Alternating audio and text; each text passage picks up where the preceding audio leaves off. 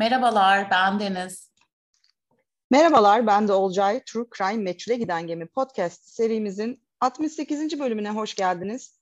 Bu bölümde biraz Amerika'dan uzaklaşacağız. Çok fazla Amerika konusu işledik. Çünkü birçok olay Amerika'da oluyor gerçekten. Ee, ama biz bu sefer İsveç'e geliyoruz. 2004 yılının İsveç'indeyiz. Aylardan Ekim. Ee, sıradan başlayan bir gün. Özellikle iki insan için, biri yetişkin, biri çocuk, iki insan için son derece sıradan başlayan bir gün. Ama e, bir tuhaf bir şey oluyor ve bir sürü insanın hayatı bir anda değişiveriyor. Neler olduğu için Deniz'e, Deniz sendeyiz. Evet, e, İsveç'in Linkköping e, kentindeyiz diye umuyorum. Yani biz nasıl pronanse ediliyor diye epey baktık. Linkköping e, olduğu söyleniyor. Çok farklı bir şekilde yazılıyor ama Linkköping olarak okunuyormuş. Öyle değilse bize yazın. Biz böyle diyeceğiz. Yani epey konuştuk. Hatta şey dedik acaba İsveç'te nerede olduğumuzu söylemesek mi? İşte garip bir güzel yarasak dedik. Sonra dürüst olalım ve Linkköping'de olduğumuzu söyleyelim dedik. evet, ben hiç mesela anmadım bile adını. İsveç'teyiz deyip. Direkt pasladım de bakalım. sana attım. Efendim Linkköping'deyiz. 2004 yılının 19 Ekim'inde. Linkköping İsveç'in güneyinde bulunan bir kent.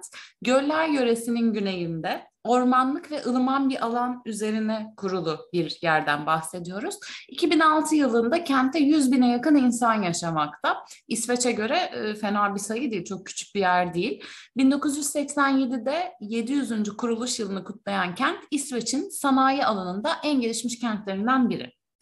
Sabah 7.30 bir salı günü, güzel bir salı sabahı. 8 yaşındaki Muhammed evine yakın olan okuluna doğru gitmek için yola çıkıyor. 10 dakikalık bir mesafeden bahsediyoruz. Muhammed dahil toplamda 5 tane çocuğu olan bir aile. Muhammed çocuklar arasında en küçüğü, en küçük çocuk. Okula geç kalmak üzere evde tam bir kaos var. Bir yandan annesi işte söylenerek çantasını hazırlıyor. Böyle sabahları kaos olur ya e, şey çocuklu evlerde. Tam öyle bir gün yani. E, Muhammed futbol oynayan arkadaşları olan iyi bir öğrenci. Okulu seviyor, okulla bir derdi yok. Tek sorunu tahmin edersiniz ki sabahları erken uyanmak. Normalde okuldaki ikinci senesi bu sene. Okulun ilk senesinde büyük ablasıyla beraber okula e, yürüyormuş. Beraber yürüyorlarmış. Ama artık ikinci sınıf öğrencisi ve büyük bir çocuk sonuçta. Yani kendisini daha büyük hissediyor. Ailesi bu durumdan çok hoşlanmasa da tek başına okula gidip gelebiliyor. E, aile de şu şekilde ikna olmuş. Sen giderken biz bakacağız. Yani zaten şey okula kadar göremiyorlar tabii ki pencereden bakarken ama bir noktaya kadar görebiliyorlar. O yüzden ailenin de içi rahat. Çocuk evden çıkıyor okula doğru gidecek. Aynı saatte yine sabah yedi buçukta aynı muhitte yaşayan 56 yaşında Anna Lena var. O da işe gidecek. İşe gitmek, işe gitmek için yola çıkıyor. Annalina iki senedir eşiyle beraber burada oturuyor. Çocukları artık kendi hayatlarını kurmuş, başka bir yerde yaşıyorlar. Hem yetişkin hem çocuklara dil eğitimi veren, yabancı dil eğitimi veren bir öğretmen kendisi. Onu tanıyanlar, meslektaşları, öğrencileri işinde çok başarılı olduğunu söylüyor. E, gayet sevilen biri, hiçbir sorunu yok bilinen. Onun da evi ve işi birbirine çok yakın. Aynı şekilde Muhammed gibi her gün yürüyor o da. Bazen kocası ona eşlik ediyor ama bugün öyle bir gün değil. E, yağmur yağıyor biraz. O yüzden kocası onunla gitmek istemiyor. Tek başına yürüyecek. Kadın evden çıkıyor. Eşi de arkasından kapıyı kapatıyor ve evde televizyon izlemeye başlıyor. Bu ikisi aynı muhitte yaşamalarına rağmen tanışmıyorlar ama maalesef ki çok acı bir şekilde yolları kesişecek. Muhammed sokakta yürüyor demin bahsettiğim gibi. Ailesi bir noktaya kadar onu izliyor. Ama ailesinin görüş açısından çıktıktan sonra okula da yaklaşmışken kimliği belirsiz bir Muhammed'e arkadan yaklaşıyor. Yere düşünceye kadar toplamda 27 kez onu bıçaklıyor. Ve Annalena da muhtemelen o sırada onun tam arkasında. Onun da akıbeti aynı şekilde oluyor. Annalena da 10 kez bıçaklanmış bir şekilde çocuğun yanında yatıyor. Bir komşu Analina'nın sesini duyuyor. 2-3 kez e, bağırdığını duyuyor. Hemen evden çıkıyor, onun yanına doğru koşuyor. Bir de doktor olan komşu varmış, harika bir şey bence. O da hemen e, müdahale etmek için oraya doğru gidiyor ve korkunç manzarayla karşılaşıyorlar. Muhammed bıçak darbelerinden dolayı çoktan vefat etmiş ama Anna Elena hala hayatta. Saat 7.45. Polisi arıyorlar. Ee, bilinci biraz da olsa açık, kötü yaralanmış. Ve kocasının telefonunu söylüyor. Kocama da haber verir misiniz diyor ve sosyal sigorta numarasını söylüyor. Buradan zaten bilincin hala açık olduğunu anlıyoruz. Maalesef kocası o sırada telefonu açmıyor. Yani nasıl pişman olmuştur sonra kim bilir. Değil mi? Evet ya çok çok çok kötü. Yani çok çok pişman olmuştur. 15 dakika sonra saat 8 gibi ambulans geliyor. Muhammed'in cansız bedenini ve Analina'yı hastaneye götürüyorlar. Ee, Analina'nın göğsünün sol tarafında yaralar var ama bir yandan da ağzından kan geliyor. Bilinci hala açık o sırada. Bayılacak gibiyim diyor. Maalesef hayatını kaybediyor. Bu sırada kocası evde televizyon izliyordu ya haberler de aslında Analina'yı ve çocuğu göstermeye başlıyor. Ama kocası başka bir şey izliyormuş o sırada. Dışarıdan ambulans sesini duyuyor bir pencereye gidiyor. ne oldu acaba diye bakınmıyor. Sonra evden çalışacak o gün. E, bir telefonuma bakayım diyor. Ha, telefonum nerede diye bakınıyorken cevapsız aramayı görüyor. Geri aramıyor hemen. Google'dan araştırıyor ve yakınlarda oturan biri olduğunu anlıyor. Tekrar dışarı bakıyor. Aa valla niye beni burada oturan biri aramış olur ki diye düşünüyorken polis eve geliyor ve ona korkunç olayı haber veriyor. Muhammed'in evinde de korkunç bir durum var. Ablası Muhammed'den sonra okula gitmek için evden çıkıyor aslında biraz sonra. Ee, ve okul yolunda yerde yaralı bir çocuk görüyor. Kardeş olduğunu bilmiyor o sırada. Çok korkuyor, okula gitmiyor, evine dönüyor. Annesine o olayı anlatıyor. Annesi onu okula bırakıyor sonrasında. Ve maalesef yaralı çocuğun öldüğü ve Muhammed olduğu ise polisin eve gelmesiyle anlaşılıyor. Evet ortada iki tane beden var e, bıçaklanmalar var. İki kişi de bıçaklanarak öldürülmüş. Ee, acaba şahit var mı? Kim ne gördü? Polis iki olay içinde şahit arıyor. Aslında herkes e, suçluyu görmüş ama farklı farklı şeyler anlatıyorlar. Hep olaylarda olur ya zaten biri bir şey söylüyor, diğeri onu destekliyor, tam tersini söylüyor. Yani tam bir kaos aslında. Ama herkesin söylediği ortak olan bazı şeyler var bu saldırganla ilgili. Onlar da şöyle, beyaz, 20'lerinde fiziksel olarak fit, orta boylu, ne uzun ne kısa, siyah şapkası olan biri. E, nitekim suç mahallinin yakınında cinayet aleti de bulunuyor. Orta boy kelebek bıçağı. Ertesi gün basına da yansıyor olay. Şehir şok içinde çünkü normalde güvenli bir yer burası. Adamın eşkali paylaşılıyor. Bir yandan uzmanlar adamın profilini çıkartıyor ve suç motivasyonuna bakıyorlar. Yüksek ihtimalle bir plana dahil olmayan random işlenmiş bir suç olduğuna kanaat getiriyor polis. Muhtemelen tek başına takılan, etrafta yalnız yürüyen, fazla arkadaşı olmayan, e, aile bireyleri hayatta olmayan ya da onlarla beraber yaşamayan, belki bir akıl hastalığı da olan birinin bu suçu işlediğini düşünüyorlar. E, bu sırada lokal bir esnaf polisi arıyor ve dükkanın önünde bir şapka bulduğunu söylüyor. Demin herkesin ortak söylediği şeylerden biriydi ya bu kişinin şapka takıyor olması. E, o yüzden şapka gerçekten doğru. Hem bıçakta hem şapkada DNA izi var. Polis çok rahat diyor işte e, her şey ortada artık kim olduğu belli olacak diye düşünüyorlar. Çünkü DNA var yani. Ama adamı bulamıyorlar. Adamı bulmaları tam 16 seneyi bulacak. Nasıl olacak Olcay anlatır mısın biraz? Tabii ki anlatalım. E, bu bulunan şapkada ve bıçakta bulunan DNA hemen tabii laboratuvara gönderiliyor e, gerekli analizleri yapılması için. Fakat ne oluyor? Buradan bir şey çıkıyor mu? Hayır, hiçbir şey çıkmıyor. Hiçbir eşleşme yok ortada. Sene 2006 oluyor. iki sene geçiyor olayın üstünden. Bir sürü ipucu var ama hala bir sonuca ulaşılamıyor. Tam 6 bin kişinin DNA'sına bakılmış durumda ama herhangi bir sonuç yok. İki sene daha geçiyor. 2008 yılına geliyoruz. Artık 45 bin kişiye bakılmış ama hala bir eşleşme yok. Ee, belki olay sonrasında akıl sağlığı nedeniyle yaşadığı sorunlar e, olduğu için intihar etmiş olabilir diyorlar. Ve intihar eden kişilerin ailelerinden DNA örnekleri alıp bir de bunlara bakıyorlar. Fakat buradan da bir sonuca ulaşılamıyor. 2018 yılında polis bu sefer Hollanda'da şüpheli DNA profiline dayanarak oluşturuluyor. ve o sırada İsveç'te ilk kez test edilen bir teknik deneniyor. Bu teknik yaklaşık 100 kişiyi zan altında bırakıyor ancak herhangi bir tutuklamayla sonuçlanmıyor. Bu sırada hatırlarsınız Nisan 2018'de Golden State Killer yakalanıyor DNA teknolojisi sayesinde. Yani artık teknoloji epey bir gelişmiş durumda. Ee, yani de, ka, DNA kalıntılarıyla birileri yakalanabilir hale geliyor artık. Ee, şimdi bu DNA'yı biz elimizde peki yasal olarak ne kadar tutabiliyoruz? Normalde 30 sene ama cinayetlerde böyle bir limit yok. Zaten DNA'nın kendisinin yaşam süresi epey bir uzunmuş yani böyle bin yıllara vesaire yani doğru e, koşullar sağlanırsa epey bir e, süre yaşayabiliyormuş. E, ve İsveç'in elinde yaklaşık 100 bin kişilik DNA var. Nüfusta yaklaşık 10 milyon kadar. E, bir pilot proje gerçekleşiyor bu sırada.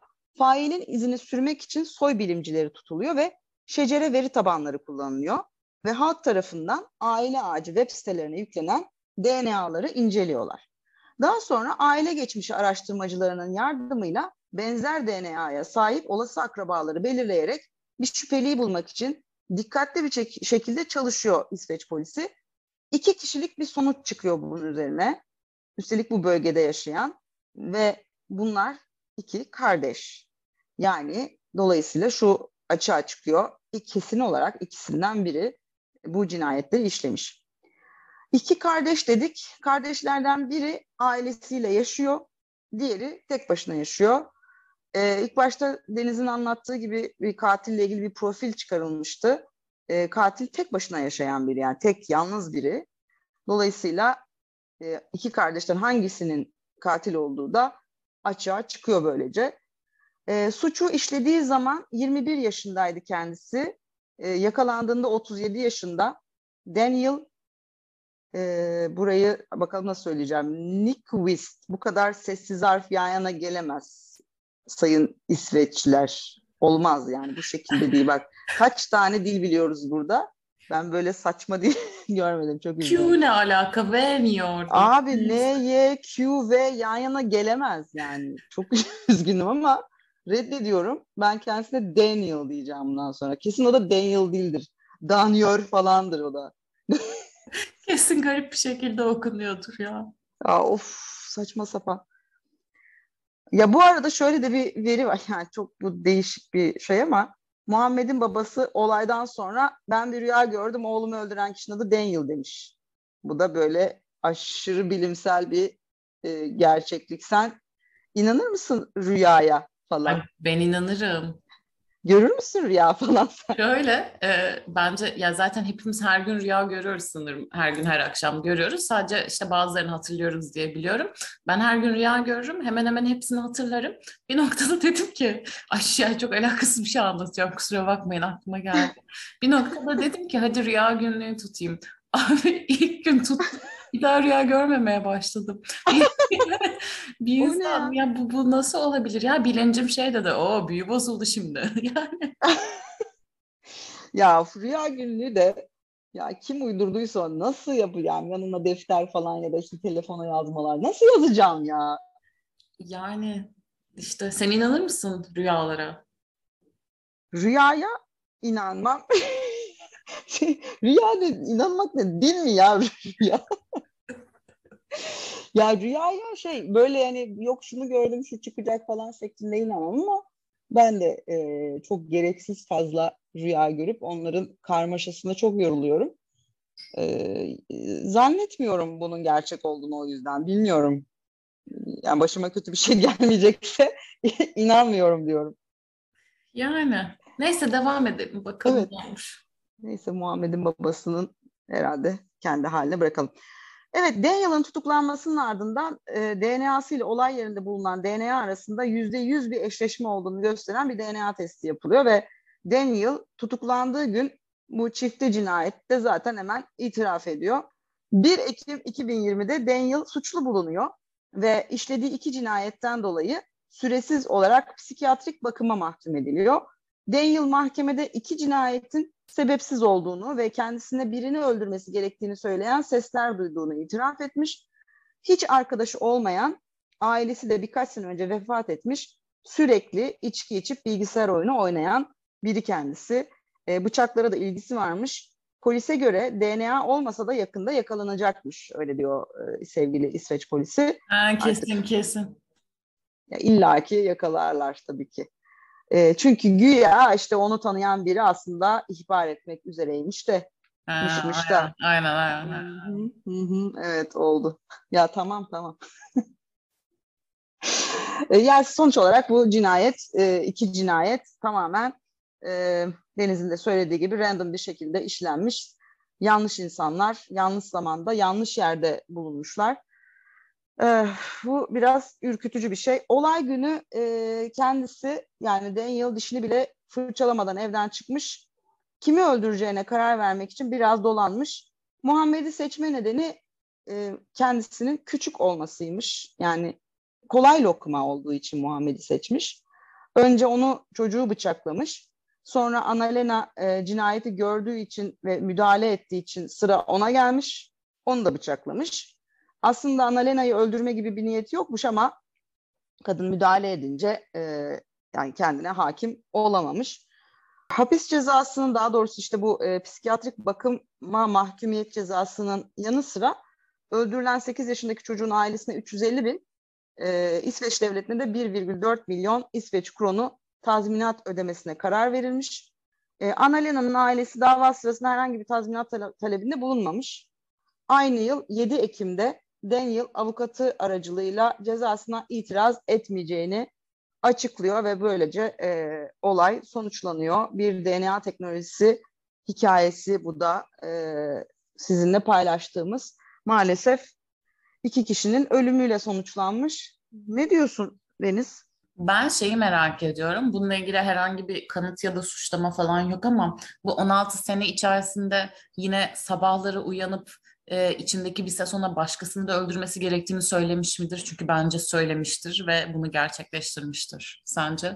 E, olabilir hakikaten yani başka bir şey olmamış mı bu adamla bağlantılı? Ya sadece iki kişi miydi yani? Bit, oldu ve bitti. O ses sustu mu sonra? Benim bildiğim o ses öyle hemen susmuyor.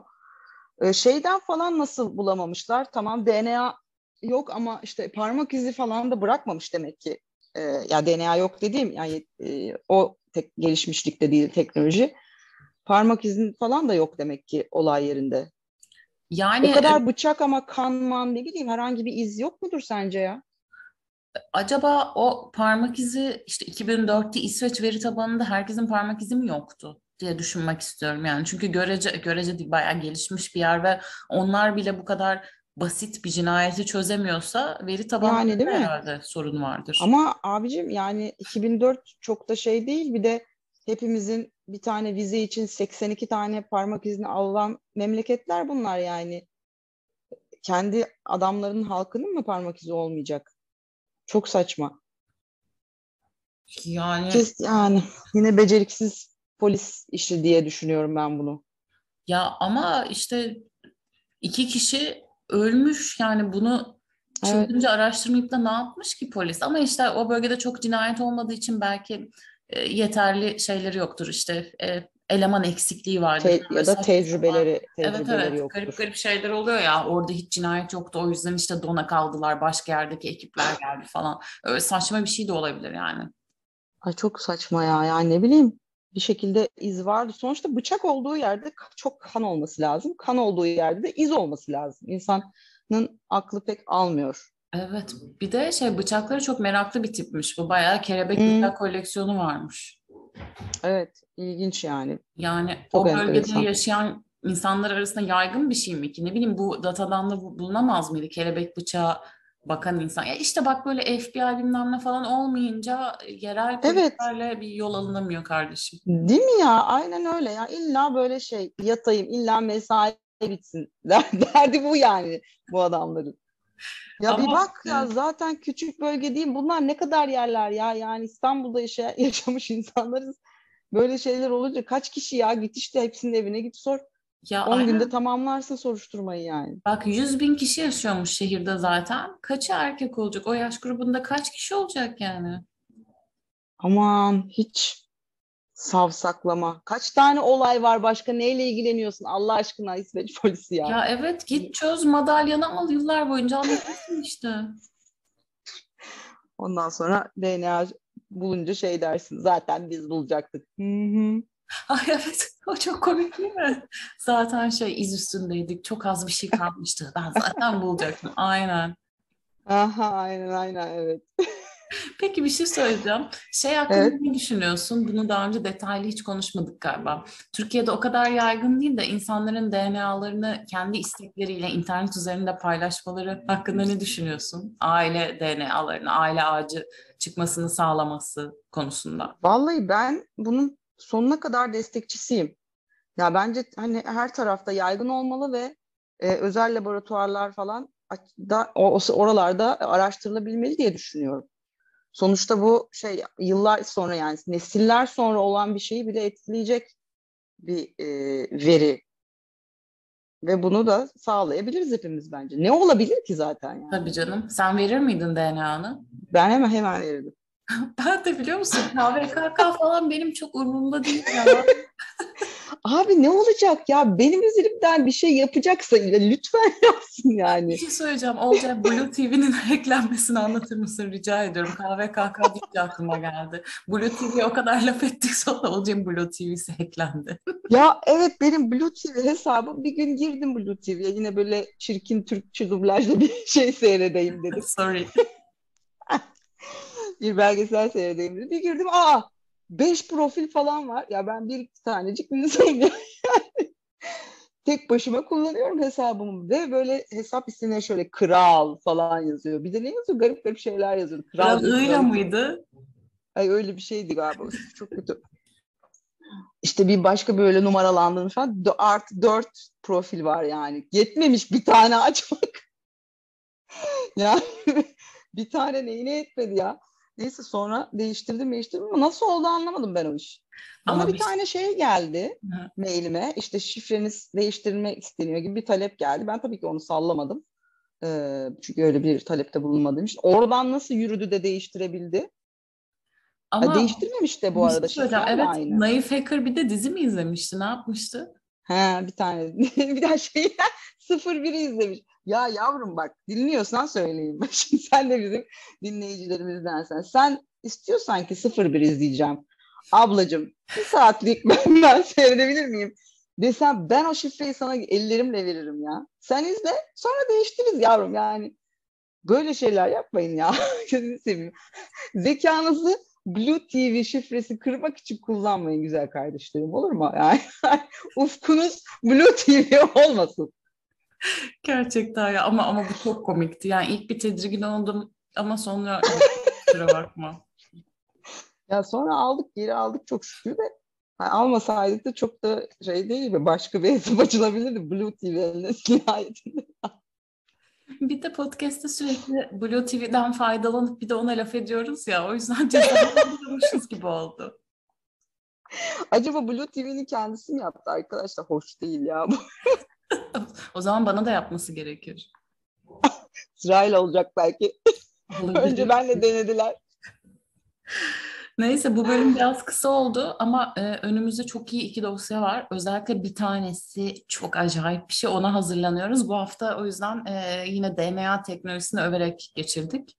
Bir yorum yapmayı unutmayın. Boş zamanlarımızda DNA övüyoruz. Tabii öveceğiz. Ne öveceğiz boş zamanımızda başka? Edebiyat mı övelim? Yok ya edebiyat övecek yerlerim ağrıyor benim. Hadi kapatalım artık. Hadi görüşürüz o zaman. Kendinize iyi bakın. Görüşürüz.